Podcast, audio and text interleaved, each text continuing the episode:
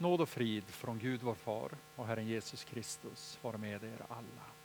Amen. Vi sjöng om brudgummen och vi ska läsa om brudgummen från det som var episteltexten förra söndagen som gick ur Uppenbarelseboken, 19 kapitlet. Och det kom en röst från tronen som sa Prisa vår Gud, alla hans tjänare, ni som fruktar honom, höga och låga. Och jag hörde liksom rösten från en stor skara och liksom rösten av stora vatten och rösten av stark åska. Halleluja, Herren vår Gud, allhärskaren, är nu konung. Låt oss vara glada och jubla och ge honom vår hyllning. Ty tiden har kommit för Lammets bröllop och hans brud har gjort sig redo. Hon har fått rätt att klä sig i skinande vitt linnetyg, ty linnetyget är det heligas rättfärdiga gärningar. Och ängeln sa till mig, skriv, saliga de som är bjudna till Lammets bröllopsmåltid. Och han sa till mig, detta är Guds sanna ord. Och jag föll ner för hans fötter för att tillbe honom och han sa till mig, nej, inte så. Jag är Guds tjänare liksom du och dina bröder som har Jesu vittnesbörd. Gud ska du tillbe. Jesu vittnesbörd är profetians ande. Så lyder Herrens ord. Gud, vi tackar dig. Ja, när vi läser från Uppenbarelseboken så är den en apokalyptisk litteratur. Alltså, det handlar om de yttersta tiderna, det är det ena, men det också ger oss en inblick i de kosmiska dimensioner i vår tillvaro som vi annars inte har kunskap om. Det handlar om den stora striden mellan Gud och hans fiende, ondskans makt, Satan, djävulen. Och Bibeln lär oss att här handlar det inte om två jämbördiga makter. Men djävulen är lögnens herre och han vill gärna få oss att tro att det handlar om två jämbördiga makter, att det står och väger. Men det är en lögn. För han vet att han är besegrad. Och i och med Jesu uppståndelse från de döda är djävulen berövad sitt yttersta vapen, döden. Nu går han omkring, skriver Petrus ett av sina brev. Nu går han omkring som ett rytande, skadeskjutet lejon och söker skada så mycket han kan. Och Det han riktar in sig på det är för det första Guds skapelse. Och vi ser det i naturförstöring, i miljöförstöring. För det andra riktar han in sig mot människan, kronan på Guds skapelseverk.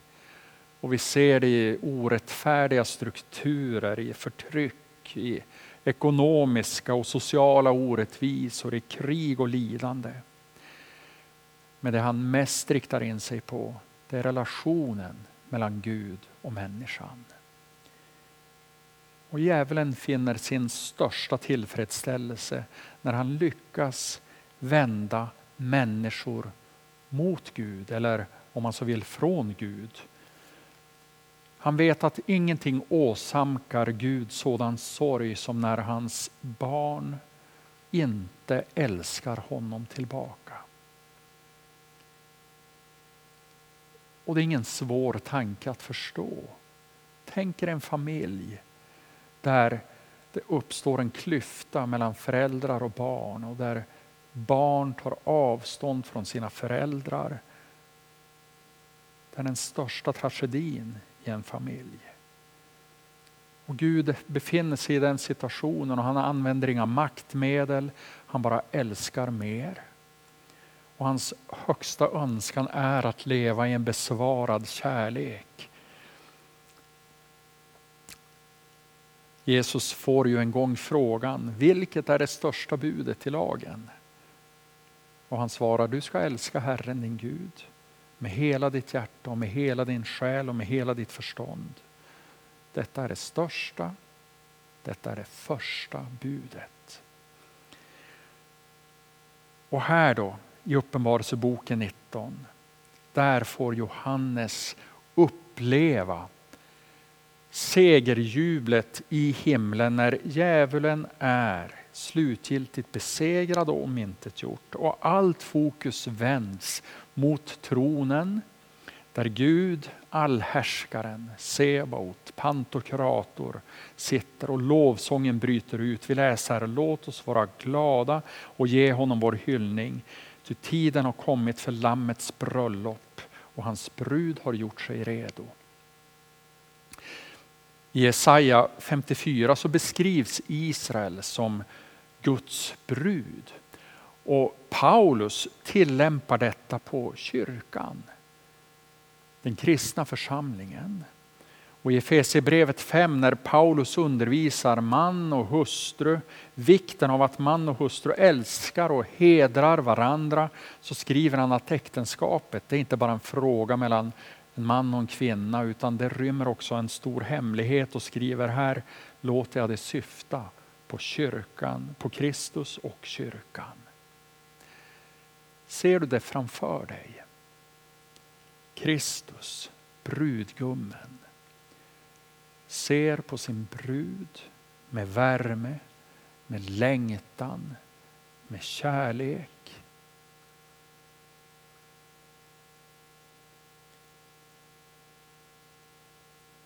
Han ser på dig. För du är bruden. Du är döpt in i kyrkan som är bruden till vilken Kristus riktar sin blick.